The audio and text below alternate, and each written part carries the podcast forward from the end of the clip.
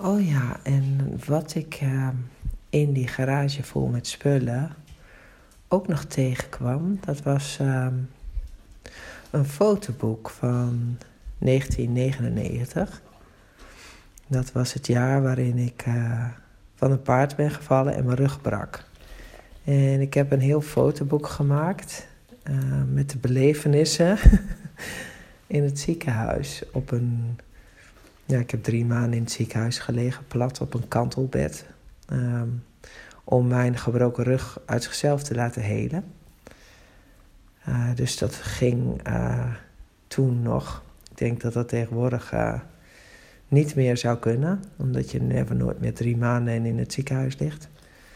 Maar ik had daar dus allemaal foto's van gemaakt en, um, en verhaaltjes bij geschreven. En toen zei ik tegen mijn kinderen, ik zeg nou, ik zeg moet je nou eens even kijken. Dit is het fotoboek van toen ik in het ziekenhuis lag met mijn gebroken, gebroken rug. En ik had daar uh, allemaal dingen bij geschreven. En onder meer ook uh, natuurlijk foto's met, uh, waarin Alwin naast mij zit. Als ik op dat bed lig. En ja, weet je, het is dan zo schattig dat mijn kinderen dan... Oh, papa was zo knap. zo lief. Um, maar mijn man heeft uh, toen, in die tijd dat ik drie maanden plat lag in het ziekenhuis en de vraag was of ik ooit weer zou kunnen lopen, uh, heeft hij mij elke dag trouw bezocht, elke avond.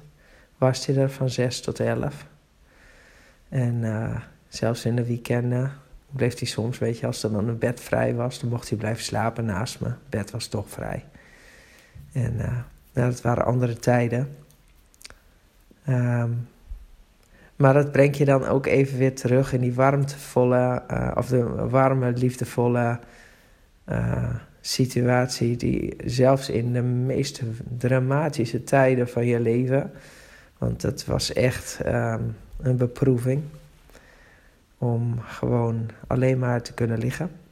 En uh, dat je dan toch um, in staat bent om ja, naar jezelf toe te gaan en um, je daaraan over te geven. Weet je, dat is dan ook zo'n uh, heel apart iets wat je dan mee kan maken en wat je, waar je dan ook na de hand echt van leert. Dat het gewoon, um, dat het echt om die hele kleine dingen gaat. Wat je ook in het boek ziet, het fotoboek, van de eerste keer weer gewoon zelf naar het toilet kunnen, weet je.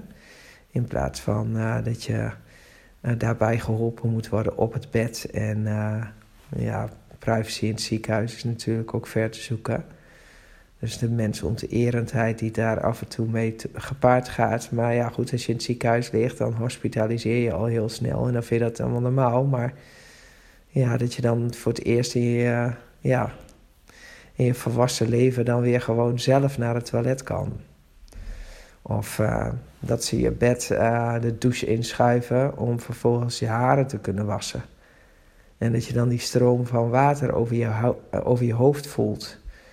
En um, wat het dan voor een, gevoel kan geven, weet je wel. Het is zo bijzonder als je dat um, in dat moment weer even terug kan halen. Ik, ik, kon, nog, ik kon me precies nog herinneren hoe dat voelde. Het gevoel van, van vrijheid hebben uh, als je dan tussen twee therapeuten in met krukken, uh, krukken uh, ja, drie metertjes op de gang kan lopen, weet je. Dat je dan, ik heb er gewoon letterlijk naast gezet. Ik voelde me hier zo gelukkig. En um, nou, dat, ik heb dat met mijn kinderen gekeken, even doorgekeken en... Ja, die zeggen dan ook wel, het is echt bizar eigenlijk allemaal, hè? Hoe, hoe dankbaar je moet zijn dat alles het gewoon doet. En uh, dat je lichaam uh, in feite gewoon iets heel kwetsbaars is, waar je dus gewoon echt heel goed voor moet zorgen en waar je, waar je dankbaar voor mag zijn. En dat zijn allemaal van die momenten die dan even voorbij komen op het moment dat je zo'n ja, zo'n dag uh, keihard met je overbuurman uh, die dezelfde werkdrive heeft als ik. Uh, al die rommel aan het opruimen bent. En dan even s'avonds, uh, als het allemaal een beetje gefixt is. Dat je dan met z'n drie aan tafel zit en dan gewoon het even weer over dat hele kleine levensgeluk mag hebben, weet je wel. Dat is toch zo bijzonder. Ja, ja dat wilde ik nog even kwijt. Het zat in mijn hoofd en ik dacht, ik uh, braindump het er even uit.